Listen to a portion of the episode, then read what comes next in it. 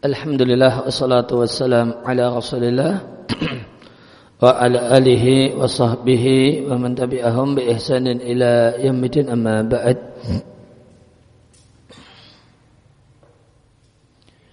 Kaum muslimin dan muslimah rahimani wa rahimakumullah kembali kita lanjutkan membaca Al-Intikhabat wa Ahkamuha fi Fikil Al-Islami karya Fahad Al-Ajlan hafizallah taala. Hafizahullah taala. Kita masih pembahasan uh, membahas tentang hal-hal atau sejumlah peristiwa-peristiwa dalam sejarah Islam yang punya yang bersinggungan dengan kegiatan dan aktivitas pemilu. Poin yang selanjutnya yang ketiga bahasanya Umar ibn Hubairah catatan kaki Abu Musanna Umar ibn Hubairah ibn Muawiyah ibn Sikin Al-Fazari Al-Syami Amirul Iraqain gubernur dua Irak yaitu Kufah dan Basrah. Walidu Amiriha dan bapak dari amirnya Amir Iraqain yaitu Yazid Umar ini adalah naib Yazid ibn Abdul Malik. Gubernur yang diangkat oleh Yazid bin Abdul Malik. Kemudian dicopot sebagai gubernur oleh Hisham bin Abdul Malik. Maka Umar bin Hubairah ausa ausa berwasiat walihi kepada bawahannya pejabat ala Khurasan untuk daerah Khurasan. Pesannya hendaklah antusias ayakuna tahdid umal hendak penentuan pejabat daerah itu min kibalin nasi dari masyarakat. Dia sampaikan kepada wali Khurasan pejabat uh, pejabat untuk Khurasan alika bi ummalil uzri. Adalah engkau memilih pejabat-pejabat daerah yang al-uzri. Qal maka wali Khurasan bertanya kepada Umar bin Hubairah apa itu ummalul uzri? Qal Umar bin Hubairah mengatakan Mur perintahkanlah penduduk masing-masing daerah untuk memilih ini pemimpin untuk diri mereka. Faidakhtar rajulan jika mereka telah memilih seseorang fawallihi tinggal engkau sahkan. Maka angkat dia. Engkau angkat dia apa faedahnya? Jika ternyata dia adalah orang yang bagus karena laka maka itu berdampak positif bagimu dan jika ternyata itu jelek karena lahum dunaka. Maka itu adalah untuk mereka rakyat daerah tersebut dan engkau tidak salah. Maka maka jika ternyata jelek maka dikatakanlah ini pilihan kalian sendiri. Kan saya tidak milih kalian yang milih. Saya cuma mensahkan dan mengangkatnya maka tunaka maka anda terbebas dari celaan. Engkau sebagai atasan terbebas dari celaan. Wa kunta ma'dhuran dan engkau terbebas dari celaan. Itu yang dimaksud umalul udhri dalam bahasa beliau Wabada ardi maka setelah paparan semisal peristiwa-peristiwa sejarah ini yang berdekatan dengan pemilu kontemporer mungkin kita bisa tentukan hubungan antara pemilu kontemporer dengan peristiwa-peristiwa sejarah di atas. Supaya kita bisa simpulkan al-jadar akar sejarah akar historis bagi pemilu kontemporer dalam sejarah Islam maka melalui peristiwa-peristiwa tersebut maka jelaslah mayali sebagai berikut. Yang pertama kandungan intikhobat, kandungan pemilu berupa vitalnya qiyamil bai'ah alal ikhtiar bahwasanya baiat kepada pemimpin itu hendaknya atas dasar pilihan dan ridha publik adalah amrun mutakarrarun syar'an. Adalah satu hal yang baku dalam syariat. Karena baiat dalam Islam tidaklah terjadi kecuali dengan ikhtiar.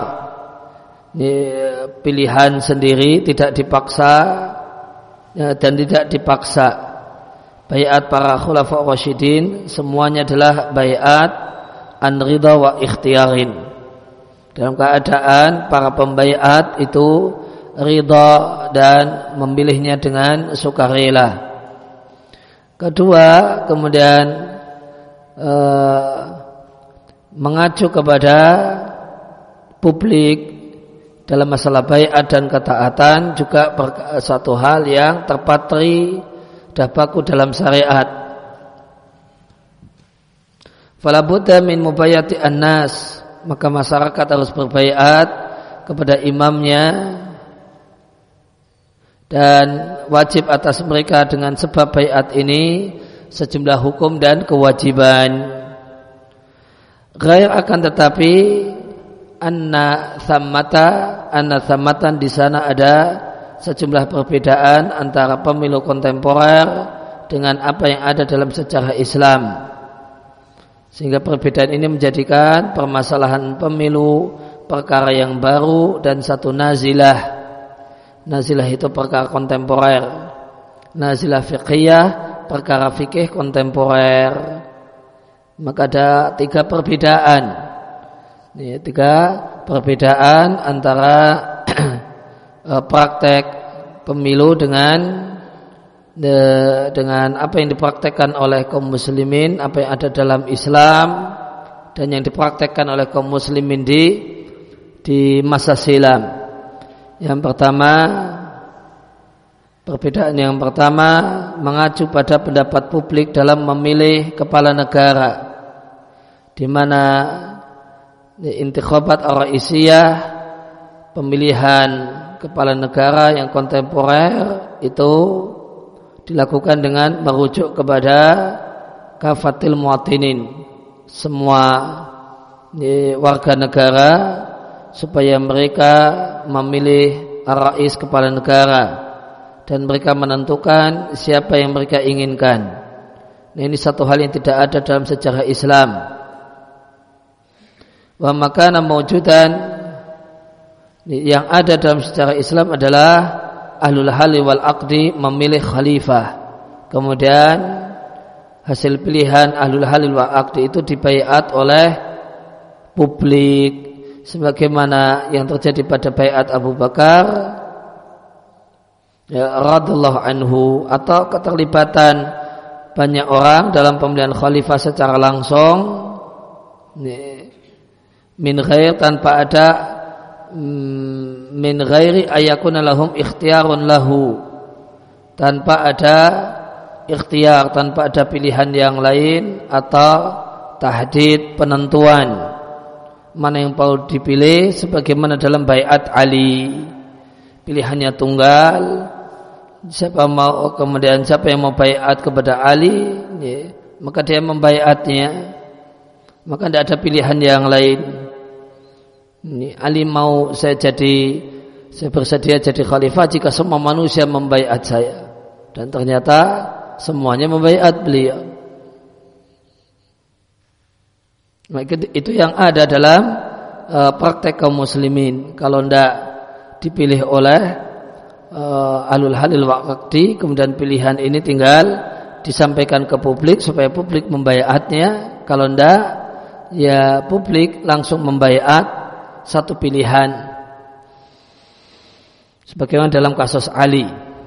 Kemudian perbedaan yang kedua masing-masing muatin warga negara diberi satu satu suara muhadadah yang telah ditentukan.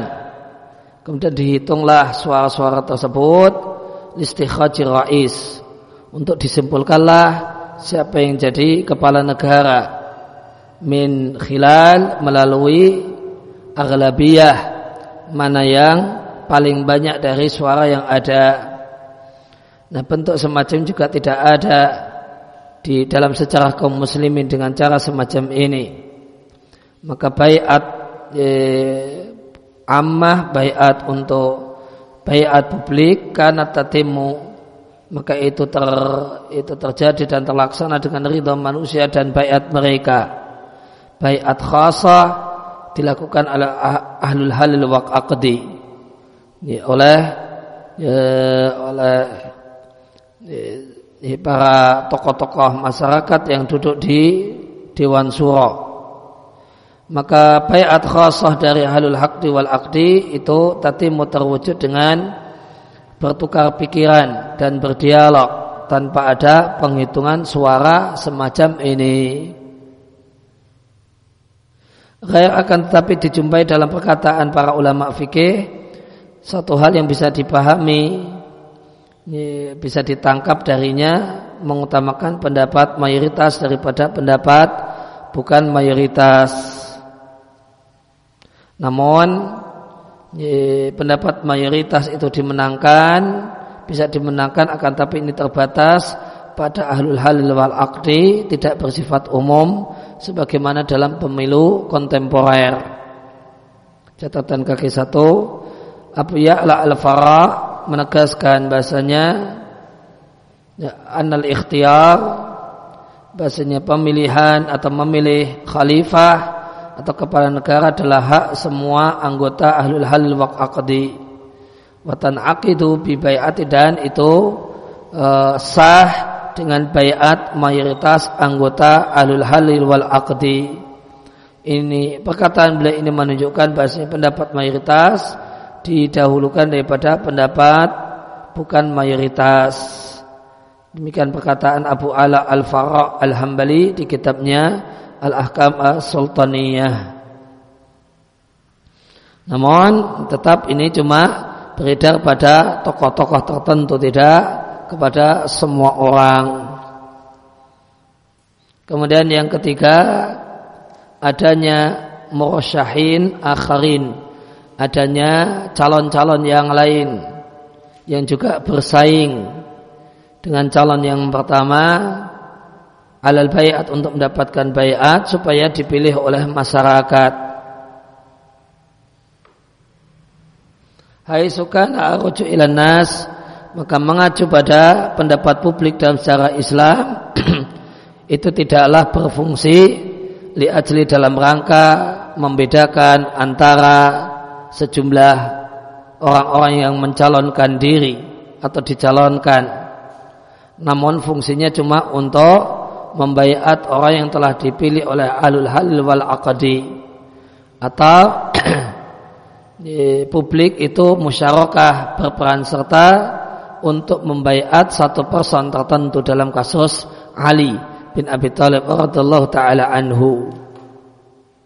Maka menggantungkan penentuan kepala negara dengan orang yang dipilih oleh amatun nas oleh publik kemudian dijadikanlah suara e, suara publik e, waja'lu aswatin nasi adadiyah dijadikanlah jumlah suara publik yustakhat minha untuk disimpulkan darinya al-hakim siapa yang jadi penguasa. Dan adanya sejumlah calon yang bersaing untuk mendapatkan kekuasaan. Liyaqta'a uh, an-nasu tanazu'ahum agar masyarakat kemudian memutuskan perselisihan di antara mereka. Semuanya pingin jadi calon, jadi presiden, kemudian publiklah yang memutuskan. Ini, ini berselisih, saya jadi presidennya, saya jadi presidennya. Ya, maka ini dua calon terlebih ini berselisih. Maka yang memutuskan siapa yang berhak ya, publik. Itu yang dipraktekkan dalam pemilu kontemporer.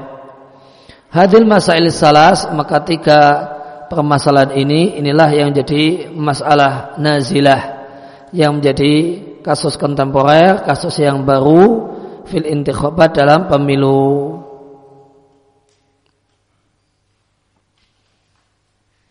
Adapun ijraat asyakliyah, adapun hal-hal yang bersikap uh, uh, administratif, ya, ijraat administrasi administrasi kegiatan administrasi asakliyah yang itu uh, bukanlah inti, bukanlah pokok.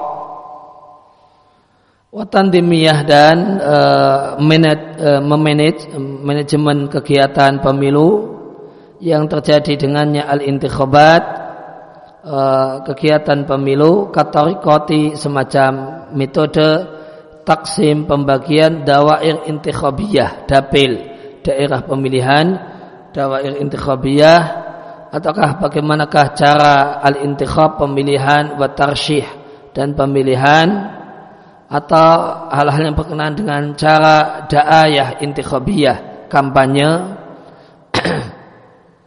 Fahia maka hal-hal ini meskipun tidak ada dalam sejarah Islam akan tapi ini semua tidaklah dihitung sebagai nazilah sebagai problem kontemporer wala hukman jadi dan bukan pula hukum baru karena itu cuma bersifat administratif ini ghair mu'athirah tidak mempengaruhi. Kemudian uh, penulis membawakan gambaran tentang model-model pemilihan yang ada dalam berbagai macam kegiatan pemilu.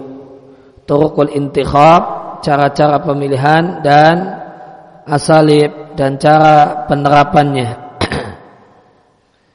awalan langsung awalan intikhab al-am wal muqayyad ada pemilihan yang bersifat umum dan ada yang terbatas. Yang dimaksud dengan pemilihan bersifat umum al-iktira pemilihan yang yuja'al dijadikanlah hak memberi suara itu untuk semua warga negara tanpa dibatasi dengan syarat tertentu.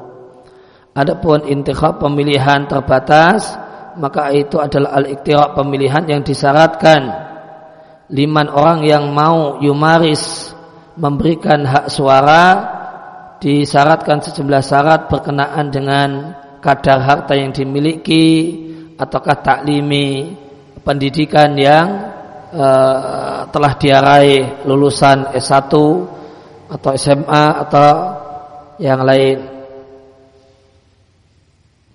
Fal iktira al-am maka dalam pemilihan yang bersifat umum yukhawal diberikan kepada masing-masing warga negara yang telah sampai usia ye, sin di asiasi. Dalam bahasa kita apa ini?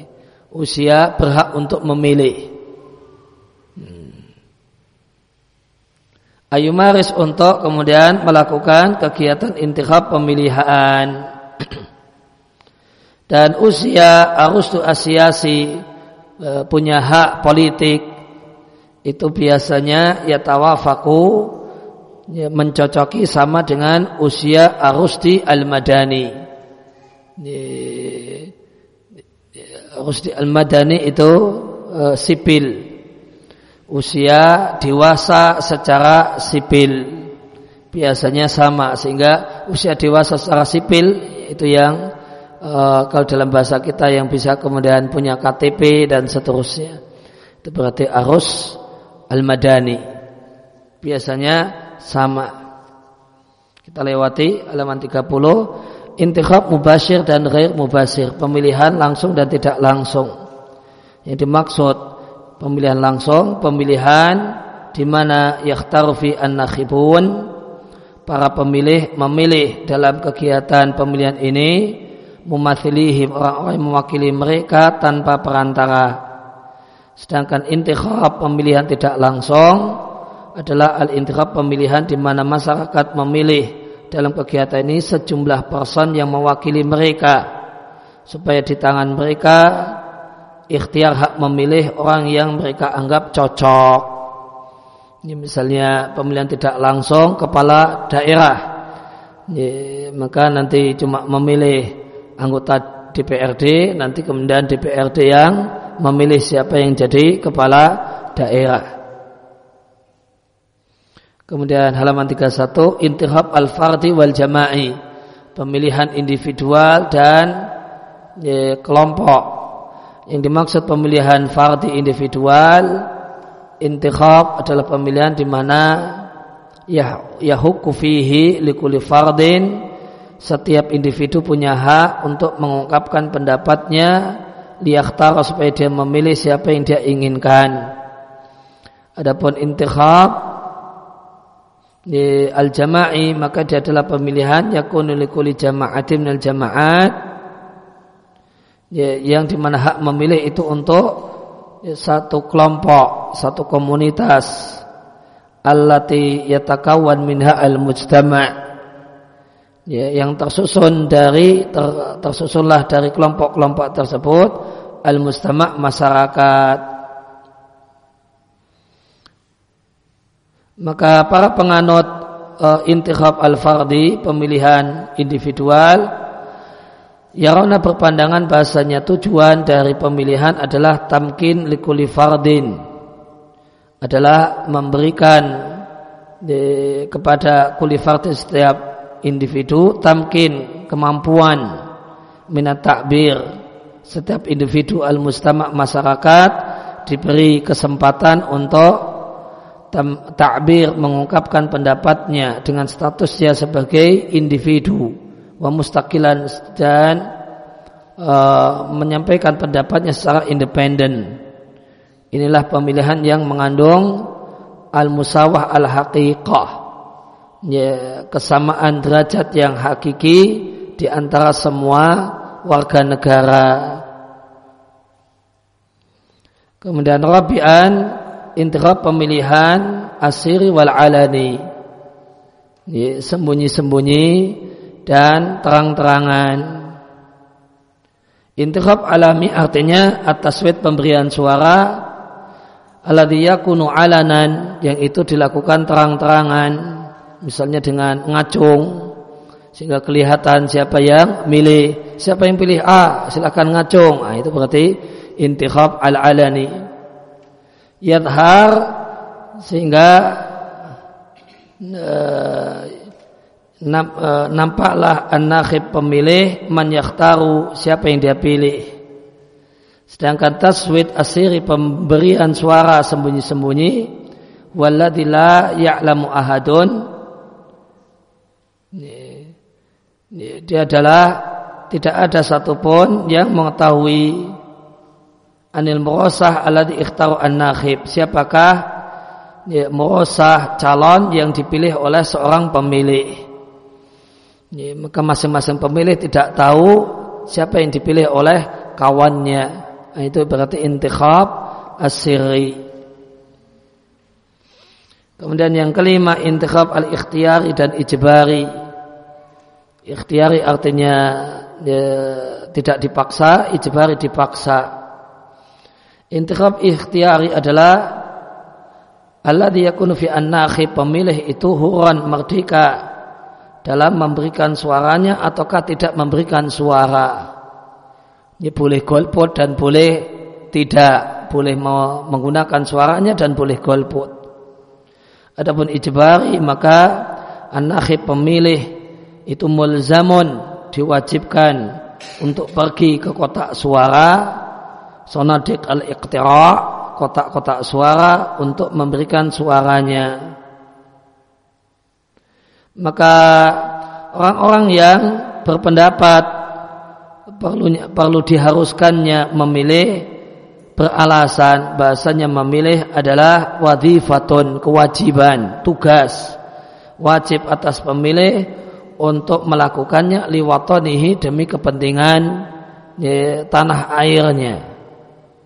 Fawahakun alihi maka itu kewajiban. Ya warga negara lalahu bukan hak. Sedangkan yang berpandangan ikhtiarin intikhab bahasanya pemilihan itu adalah ya terserah pemilih ya karena berpandangan bahasanya atas wit pemberian suara itu adalah hak warga negara maka boleh baginya untuk memakai haknya boleh juga dia meninggalkan haknya. Walakot laja'at kathir minal azimah al-mu'asirah. Sistem-sistem kontemporer banyak yang laja'at terpaksa atau kemudian menggunakan al-qaul pendapat ilzamiyatil intikhab harus memilih dalam rangka mencegah problem kasrati taghayub banyaknya golput anil intikhab dari pemilihan Kemudian yang keenam al-intiraf al-fardi memilih person ataukah memilih daftar. Ya, intiraf al-fardi artinya intiraf memilih ala yaktar fi an-nakhib. Seorang pemilih itu memilih person tertentu dari sejumlah calon fi dairati al-intikhabiyah yang ada di dapilnya. Sedangkan memilih daftar adalah memilih pemilihan di mana yakumu fi an-nakhib pemilih itu memilih daftar tadumu yang memuat banyak dari lebih dari satu person yang daftar tersebut adalah daftar para calon yang ada di dapilnya masing-masing jika pemilih itu tidak punya kemampuan untuk mengubah sedikit pun nama-nama yang tercakup dalam daftar tersebut ini disebut daftar tertutup.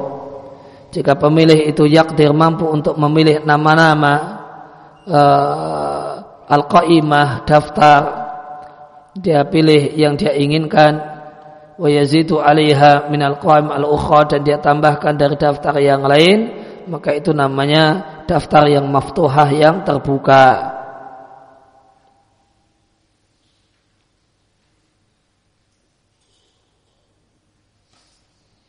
Ya, kemudian uh, sabian pemilihan dengan aghlabiyah dengan mayoritas atau perwakilan. Wa tamthil an-nisbi atau dengan perwakilan. Pemilihan dengan mayoritas adalah pemilihan yang yafuzu fihi yang menang dalam pemilihan ini orang yang mendapatkan akbari adadin jumlah yang paling banyak dari suara para pemilih. Dan intikhab pemilihan dengan mayoritas ini boleh jadi ya dua satu putaran atau dua putaran.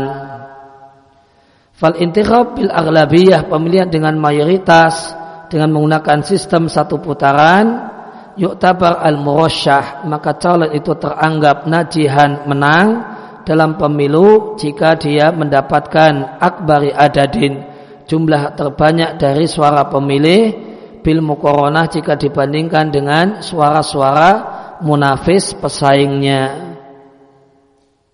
Fal faiz maka orang yang menang adalah yang yakunu aksarul murasyahin adalah calon yang paling banyak suaranya meskipun dia tidak mendapatkan mayoritas suara pemilih.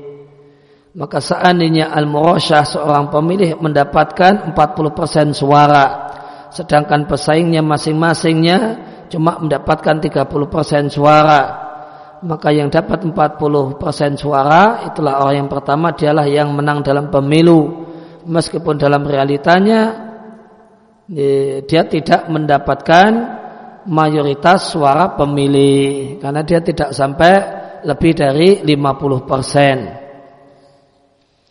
Kemudian tiga, uh, halaman 35 intikhab syamil dan intikhab adawair. Ini pemilihan nasional dan pemilihan per daerah. Intikhab syamil artinya jadilah negara itu fihi dairatun wahidah itu satu dapil. Contohnya adalah pemilihan kepala negara. Sedangkan intikhab dawair artinya yusyah fihi adad minal askhas ya dicalonkan di sini sejumlah person an kulli dairatin uh, untuk masing-masing dapil supaya dia mewakili dapilnya fi parlaman di parlemen hadhihi inilah di antara model-model dan bentuk serta sarana al-intikhab pemilihan dalam sistem pemilihan kontemporer. Ya, kemudian fasal yang pertama takhid intikhabat dan hukumnya secara syar'i. Ya. Maka ada dua bahasan. Bahasan yang pertama adalah takhid syar'i. Ini disebut dengan sebutan ya, takhid fikhi. Maka cara menentukan hukum untuk satu kasus kontemporer itu eh, langkah pertama setelah kita tahu gambarannya. Langkah pertama adalah taswirul masalah, tasawur. Kita punya gambarannya. Ini kasus kontemporer ini gimana sih yang terjadi? Ini tasawur telah kita dapatkan dari eh, lembaran-lembaran uh, yang lewat. Nah setelah tasawurnya jelas, kemudian dilakukanlah namanya takhid al-fiqhi. Hmm. Takhid al-fiqhi yaitu uh, kasus kontemporer ini kalau kita bawa dengan apa yang ada di fikih Islam itu yang cocok, yang paling berdekati itu mana? Yang paling mendekati itu mana? Itu masuknya di bab apa? Karena bab dalam hukum e, Islam sudah lengkap. Kita yakin sudah lengkap. Ya, sehingga jika ada kasus kontemporer maka kita akan e, ini yang paling mendekati dari e, bab-bab yang ada di kitab fikih bab yang mana? Masuk di bab yang mana? Dengan menimbang apa gambaran utuh dari kasus kontemporer yang dibahas. Misalnya contoh yang lain, menabung di bank. Itu takhid fikihnya apa?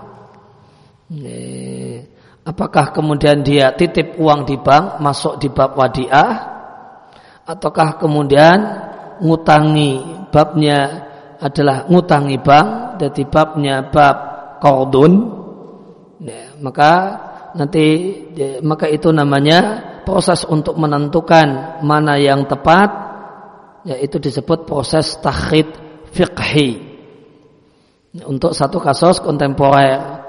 Oh kalau dimasukkan di bab titipan, oh tidak pas. Kenapa? Duitnya dipakai sama pihak bank. Ini, kalau mau dimasukkan di bab titipan, ini, menitipkan uang, ya berarti masuk berangkas dikunci sudah didiamkan. Oh, kemudian oh yang tepat adalah ngutangi bank. Karena dipakai oleh bank, kemudian ada jaminan aman dari bank kalau duitnya utuh. Nah itu utang piutang. Orang utangi orang lain, ya, maka nanti dipakai oleh orang yang berutang. Dan orang yang berutang ini ngasih jaminan aman uang Anda. Saya akan kembalikan utuh sebagaimana yang Anda serahkan. Oh, maka dari pertimbangan ini nanti dijatuhkanlah pilihan takhid fikhi yang pas untuk menabung di bank adalah menghutangi bank. Jika demikian maka ya, bunga tabungan adalah riba. Nah maka kita punya uh, punya kasus kontemporer yaitu intikhobat.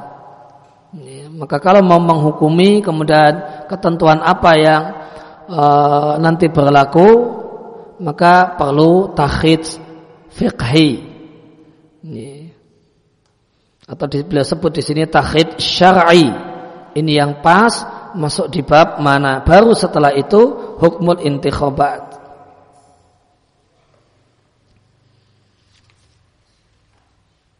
Halaman 40. Takhid intikhobat syar'an. Takhid yang tepat, maka takhid itu ada makna. Digunakan istilah takhid untuk hadis. Digunakan juga takhid itu untuk fikih. Digunakan takhid istilah takhid untuk hadis. Maka maknanya ya, punya dua makna kalau takhid dalam dalam hadis. Bisa artinya telusur siapa saja proses penelusuran siapa saja yang meriwayatkan dengan sanad satu hadis tertentu. Bisa juga artinya takhid, makna yang kedua artinya meriwayatkan hadis secara bersanad. Itu juga disebut takhid kharajahu al-Bukhari. Itu artinya ya, diriwayatkan oleh al-Bukhari secara bersanad. Sedangkan takhid fiqhi ya, adalah maknanya sebagaimana yang tadi telah uh, kita gambarkan. Usaha untuk menemukan satu kasus itu pasnya dimasukkan di bab mana, dari bab-bab fikih yang sudah ada dan sudah tersedia.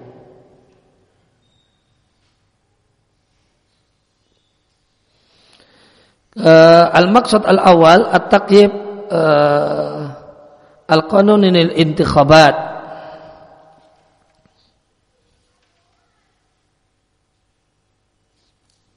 ya, uh, ini kemudian kali ini konuni tentang konon konon itu undang-undang manusia ya, untuk intikhabat tadi membahas tentang pemilihan itu hak atau kewajiban warga negara.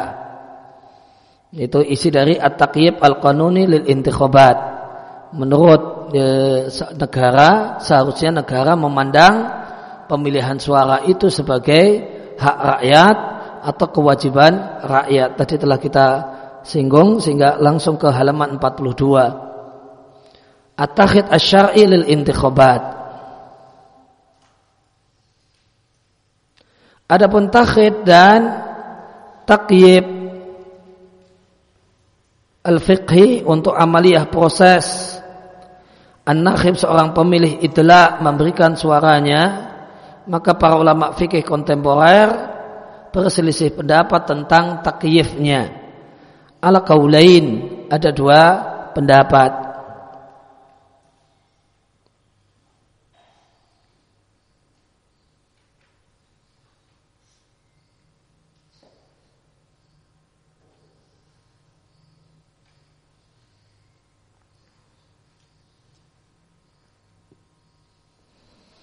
Ya, uh, atau di sini ada penulis uh, apa tidak stabil dalam penggunaan istilah antara takhrij fiqhi dengan takyib fiqhi.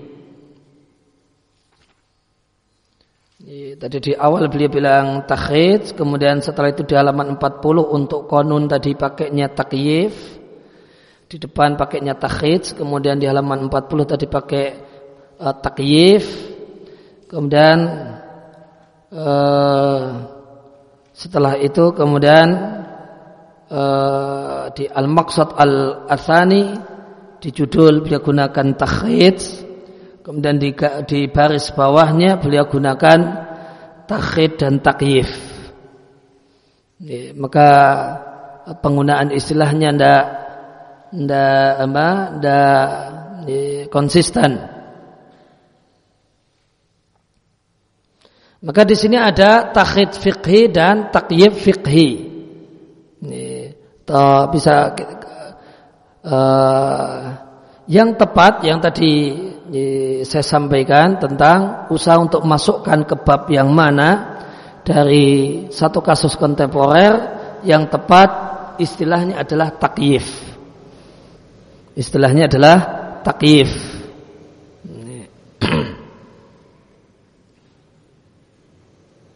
Takyib fikhi itu untuk uh, usaha untuk memasukkan yang pas itu masuk di bab fikih mana? Itu takyif. Sedangkan takhid fikhi hmm, sedangkan di takhid uh, fikhi Eh, takhid fikih itu makna maknanya adalah makna bebasnya adalah kias. Makna bebasnya adalah kias. namun kias tidak dengan dalil, namun kias dengan fatwa.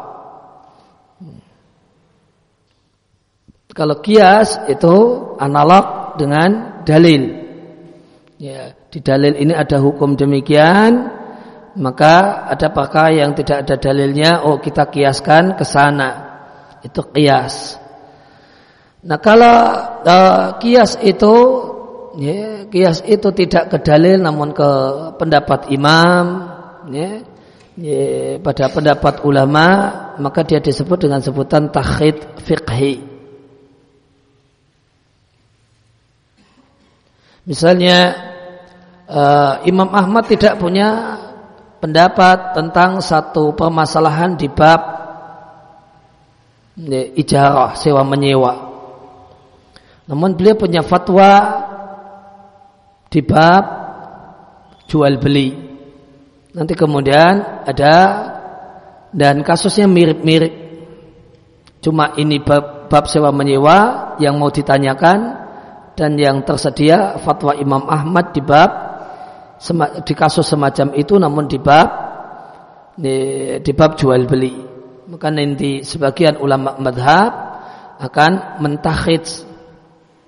Ya, kasus yang ditanyakan di bab sewa menyewa ditakhid ke fatwa Imam Ahmad di kasus yang sejenis di bab jual beli dengan alasan bahwasanya sewa menyewa itu termasuk jual beli. Cuma ini jual beli jasa dan yang itu yang jadi ya baik itu jual beli barang.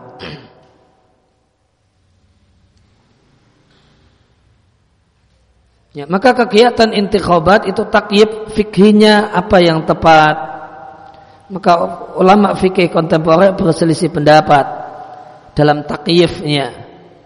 Dimasukkan di bab apa? Dalam fikih ada dua pendapat. Pendapat yang pertama mengatakan bahasanya hakikat nyoblos itu adalah e, tazkiyah dan syahadah. E, pemberian pujian, memberikan rekomendasi dan pujian, wasyahadah dan memberikan persaksian. Memberikan persaksian bahasanya si A inilah yang layak mimpin. Si A inilah yang layak jadi presiden Maka nyoblos itu adalah persaksian dari an-nakhib dari seorang pemilih bisolahiyati menyatakan ya, kelayaan al-murasyah seorang calon lil wilayah untuk memegang satu jabatan dan kekuasaan. Dan ini adalah pendapat kathir minal muasirin banyak dari para ulama kontemporer. Mustanad alasan pendapat ini bahasanya pemilihan itu adalah persaksian dari seorang pemilih kepada calon kalau dia salihun layak untuk men, uh, lil wilayah untuk menduduki satu jabatan. Konsekuensinya kalau kita masukkan dia di bab syahadah maka yustarat fihi. Maka disyaratkan di dalamnya apa yang disyaratkan bagi seorang saksi. Demikian juga jadilah dia berdosa. In qasara jika tidak mak sungguh-sungguh dalam memberikan persaksian. Dan dia berdosa ketika dia memberikan persaksian kepada orang yang ternyata tidak layak. Ya, setelah tadi digunakan fitak fiha kemudian di bawahnya pakai takhij Waqat nukisha hada takhriju. Ini enggak konsisten jadinya. Waqat nukisha hada takhriju min salasati min salasati wujuhin. Yeah. Yeah. Maka takyif ini dikritik dari tiga sisi. Kritikan yang pertama, konsekuensi dari yang berpendapat kalau intikhab itu nyoblos itu adalah syahadah persaksian maka seharusnya tidak diterima persaksian perempuan sama sekali.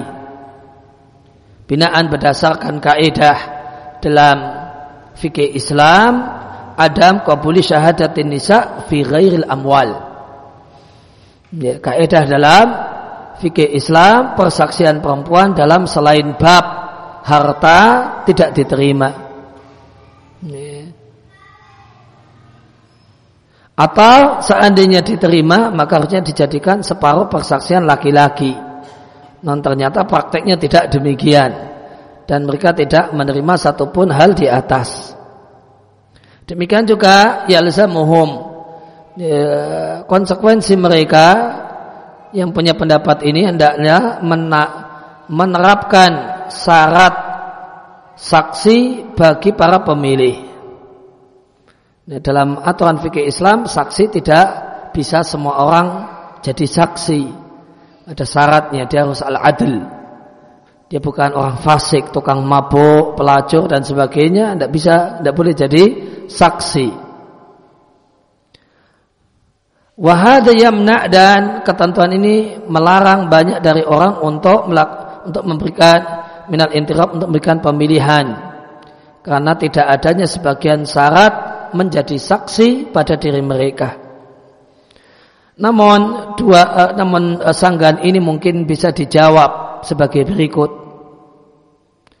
An hadal ilzam bahasanya pengharusan konsekuensi ini tidaklah sah untuk melemahkan melemahkan pendapat bahasanya intikhab pemilihan itu kita takyif dengan syahadah dengan persaksian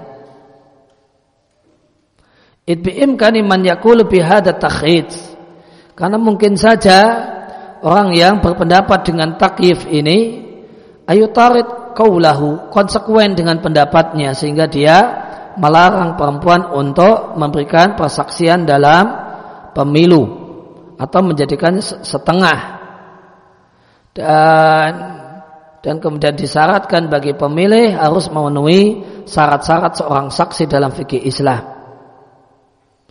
Adapun praktek masyarakat menerima persaksian perempuan secara mutlak atau tidak mempedulikan syarat menjadi saksi pada pemilih maka qad yakunu fi'lan muharraman.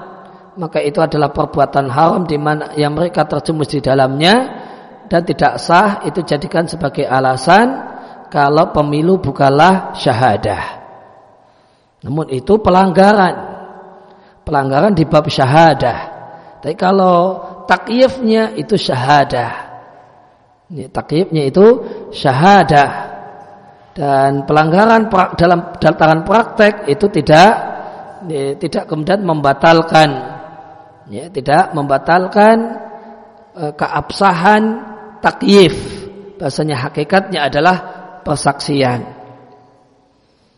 Kemudian sanggahan yang kedua yang namanya persaksian dalam fikih Islam itu berkenaan dengan hak Allah atau hak manusia.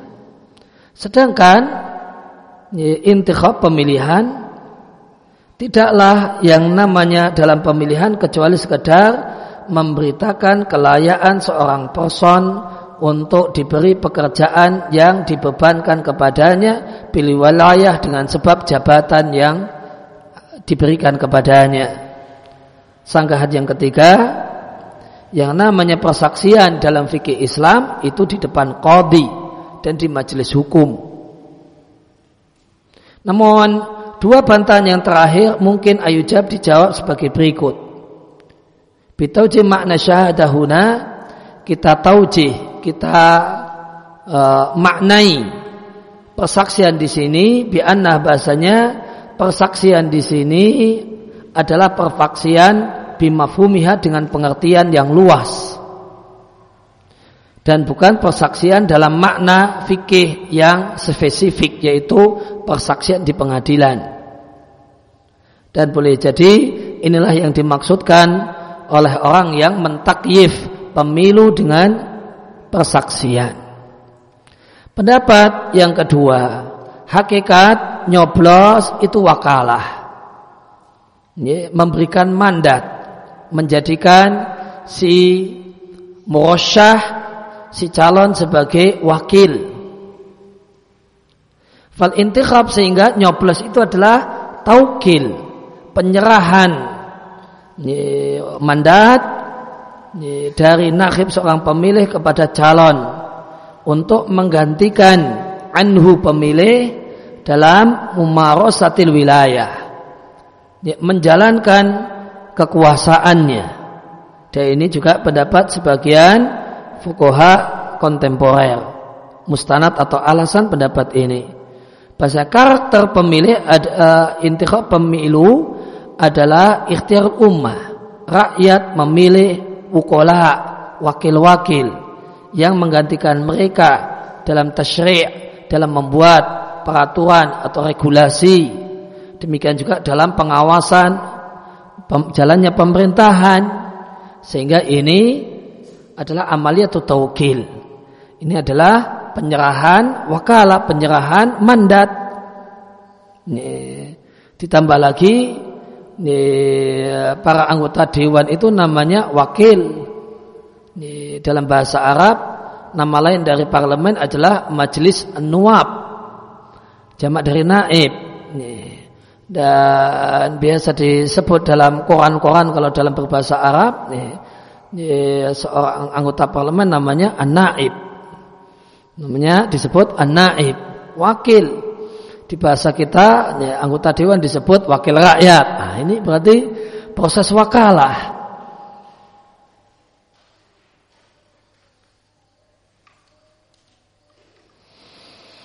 Nah, e, maka kalau kemudian pendapat ini boleh jadi cuma cocok untuk pemilihan anggota dewan. Wadal kawal dan pendapat ini meskipun mereka sebutkan dalam pemilihan untuk majelis parlemen ila ana yumkin akan tapi mungkin mereka katakan secara general dalam semua pemilihan. Li anakula wilayatin karena setiap uh, wilayah setiap jabatan kekuasaan fiha di dalamnya terdapat mumarosatun li ba'dil a'mal. Ada kemudian kegiatan melakukan beberapa kegiatan berkenaan dengan rakyat.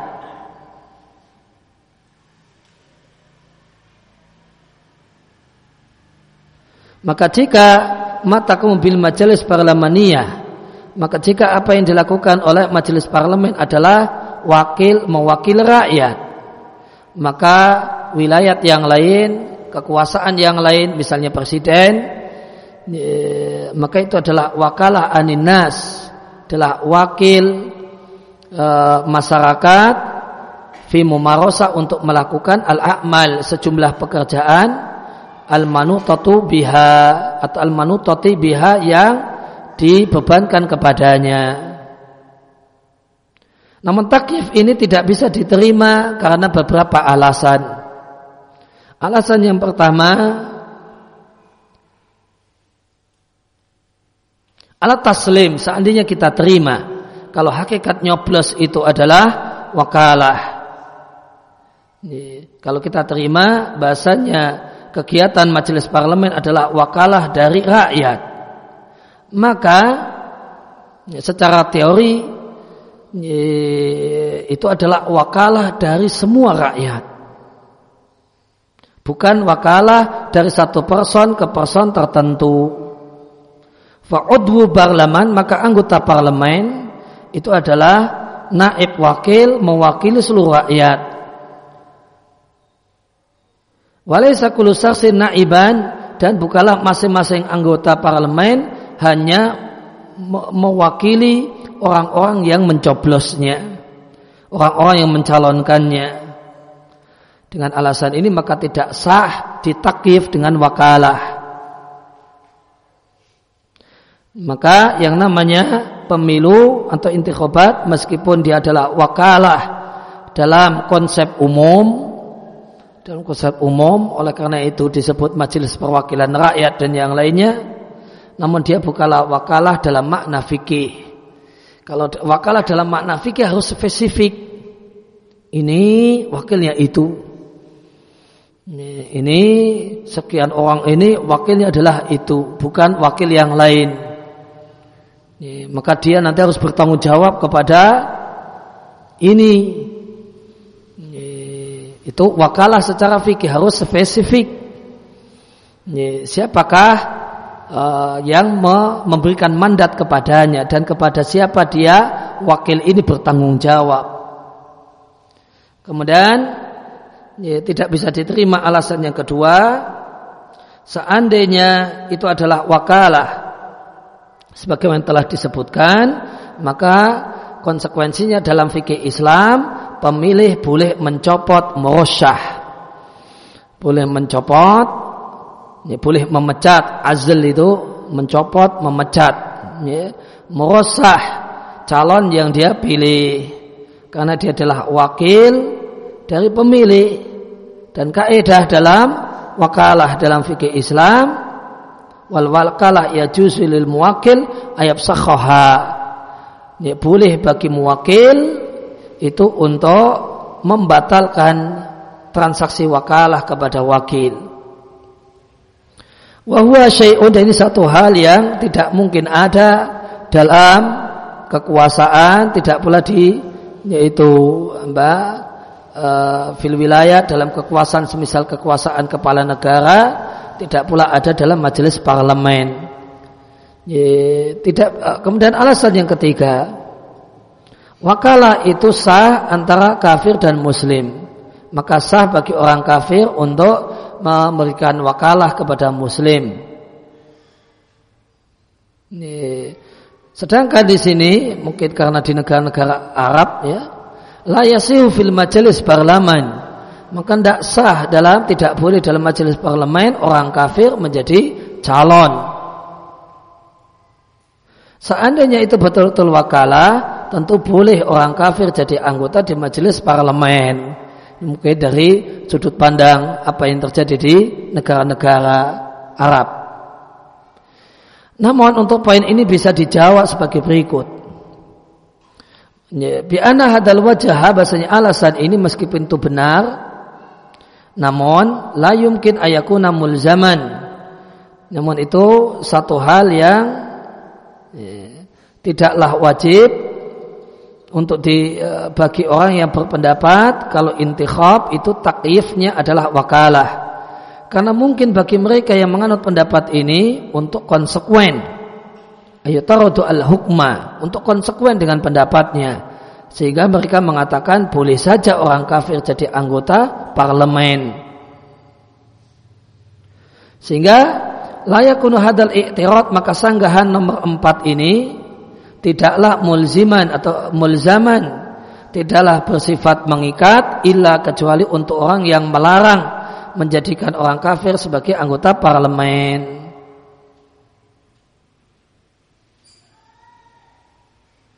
Kemudian bantahan yang keempat, pendapat yang mengatakan bahasanya pemilu adalah wakalah, konsekuensinya boleh memilih dan mencalonkan semua orang yang boleh dijadikan wakil. Dan itu satu hal yang batil dari sudut pandang hukum Islam. Karena ulama fikih mensyaratkan alul halil wal aqdi ya, ya itulah orang-orang yang punya hak untuk memilih seorang penguasa ya, maka dia harus memiliki sejumlah syarat tertentu mereka tidak menjadikan pemilihan dan pencalonan terbuka bagi siapa pun ya, maka intinya eh, penulis tidak sepakat dengan pendapat yang kedua ya, sedangkan untuk sebab pendapat yang pertama satu hal yang mungkin. Atarji kesimpulannya. Pendapat yang lebih kuat ingdi menurutku untuk takyib masalah intikhab adalah kita bedakan antara antar intikhab pemilihan. Hina yakun intikhab muqayyadan. Kita bedakan antara intikhab muqayyad. Pemilihan terbatas. Tidaklah ikut dalam pemilihan ini kecuali nukhbatun nasi, manusia-manusia pilihan dari para cendekiawan atau para tokoh. Kita bedakan dengan pemilihan umum yang diikuti oleh semua ya, semua orang. Kalau itu intikhab al-muqayyad, pemilihan muqayyad, ya, maka itu tepat kalau kita takyif dia sebagai tazkiyah wa syahadah. Persaksian namun dengan konsep yang umum. Artinya pemilih itu memberikan pujian kepada orang yang dia calonkan dan dia memberikan persaksian kepada calon kalau dia adalah solahiyah layak menduduki jabatan tersebut. Wabima dan mengingat bahasanya tazkiyah dia di sini berkaitan dengan urusan kaum muslimin bersifat umum. Maka para ulama mempersyaratkan padanya sejumlah syarat yang banyak aksar lebih banyak daripada syarat seorang saksi dan pemberi pujian. Sedangkan intikhab al-am, pemilu nasional, pemilu yang bersifat umum, mata takyib fikihnya yang lebih tepat, maka penulis mendatangkan pendapat yang ketiga. Ini beliau tidak setuju dengan uh, wakalah, tidak setuju dengan syahadah. Belum munculkan pendapat yang ketiga untuk pemilu yang bersifat umum. takyifnya adalah annahu ikhtiyarun wa iradatun itu cuma sekedar memilih wa iradah dan sekedar keinginan dari seorang pemilih lil merosa kepada calon yang dia inginkan. Tidak ada di sana pujian, tidak ada di sana persaksian. Bukti kalau itu murni sekedar memilih dan berkeinginan, bukan persaksian adalah sebagai berikut. Ya, bukti yang pertama, pemilih tidaklah ditanya tentang sebab persaksiannya. Dan tidak ditanya tentang apa yang dia kenal tentang mayarifu anin nakhib.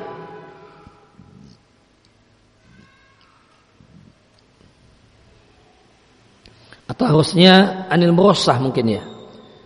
Tidak pula ditanya masa nakhib ditanya tentang an-nakhib ini harusnya anil merosah tidak pula dia ditanya tentang apa yang dia ketahui anil murosyah tentang si calon yang dia pilih.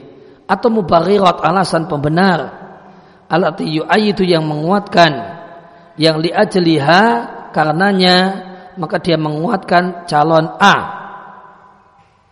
Bal kauluhu dalam pemilu cuma diambil saja pendapatnya secara langsung yusaja kemudian dicatat bagian dari suara-suara yang ada tanpa ada rincian.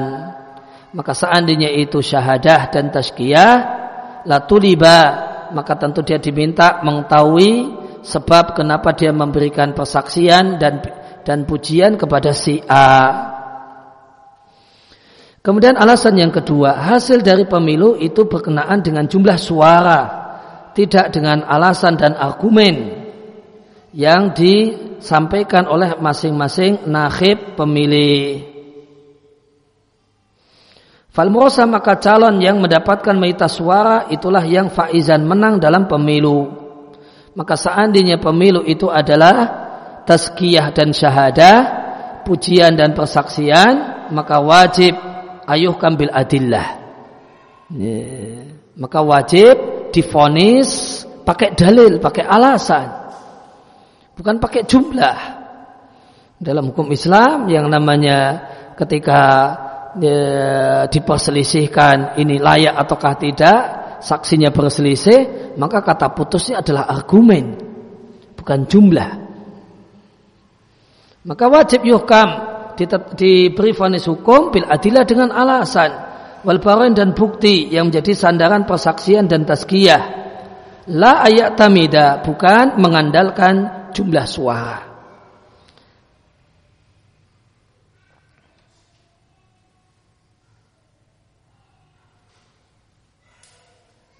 Jika ada orang yang beralasan dengan mengatakan pemilu itu tetap tazkiyah, pemberian pujian.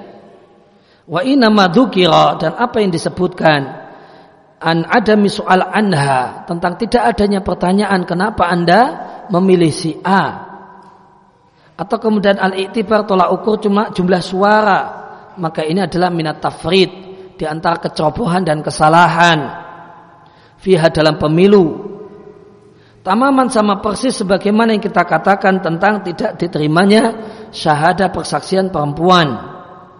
Demikian juga berkenaan dengan tidak diakuinya, tidak dipertimbangkannya syarat-syarat menjadi saksi. Maka jawabannya.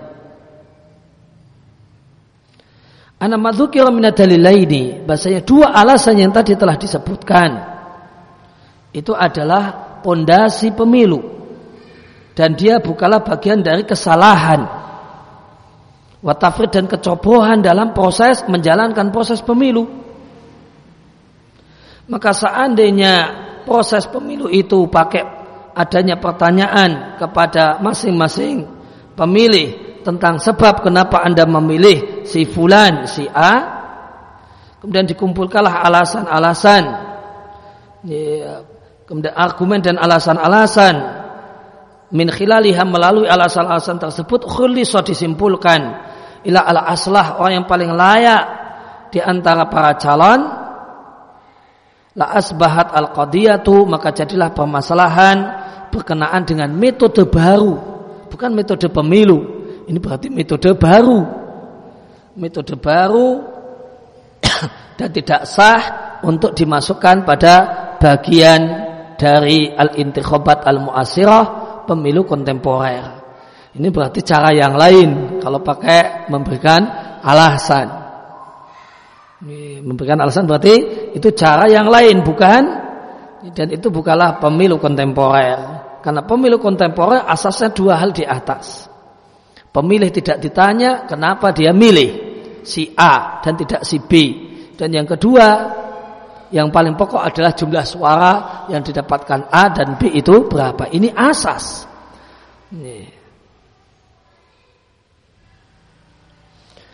Dan boleh jadi ada yang menyanggah pemilu mukoyat, pemilihan mukoyat juga tidak ditanya pemilih, kenapa dia milih. Dan juga di, tidak dilihat bukti dan alasan. Maka jawabannya, bahasanya yang memilih dalam pemilihan mukoyat adalah orang yang berilmu, orang yang baik dan orang yang soleh. Maka diketahui dari keadaan mereka, bahasanya mereka tidaklah memilih kecuali yang paling layak yang mereka pandang. Dan seandainya terjadi dari mereka selain hal tersebut, la udda maka niscaya hal ini udda dihitung sebagai celaan pada adalatihim pada baiknya agama mereka sehingga mereka tidak boleh menjadi alul halil waqdi. Fahaluhum yu'lamu minhu maka keadaan mereka dari keadaan mereka diketahuilah bahasa mereka memilih orang yang azka, yang paling bagus, yang paling layak, yang mereka kenal. Lain halnya dengan pemilihan umum yang tidaklah diketahui it karena layuk lamu tidaklah diketahui keadaan masing-masing orang. Suma kemudian mereka para anggota Dewan Suro yang melakukan intikhab mukoyat tadi mereka berdialog dan bermusyawarah. Kemudian setelah itu barulah mereka memberikan suara mereka masing-masing.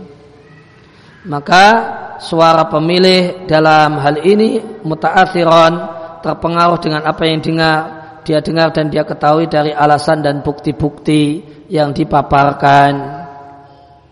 Fatahassola bidzalika maka bisa disimpulkan bidzalika dengan orang yang di atas bahasanya pemilu dalam al-intikhabat al-ammah dalam pemilu umum bukan pemilu dalam satu dewan suro.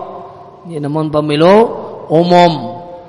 Pemungutan suara bersifat umum adalah ikhtiar nakhib liman yuriduhu wa yarghabu fihi.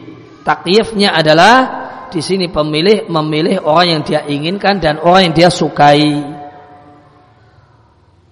Wa kaunu ikhtiaran wa iradatan.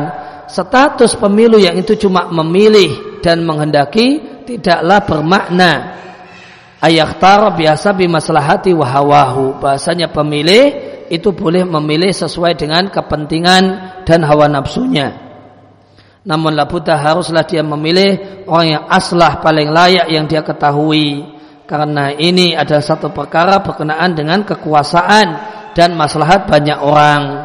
Maka tidak boleh tidak setiap muslim untuk bersungguh-sungguh finusi menginginkan yang terbaik bagi kaum muslimin dan dan memberikan naf'in manfaat bagi kaum muslimin. Atau yukodim lebih mendahulukan manfaat kaum muslimin daripada hawa nafsunya dan kepentingannya.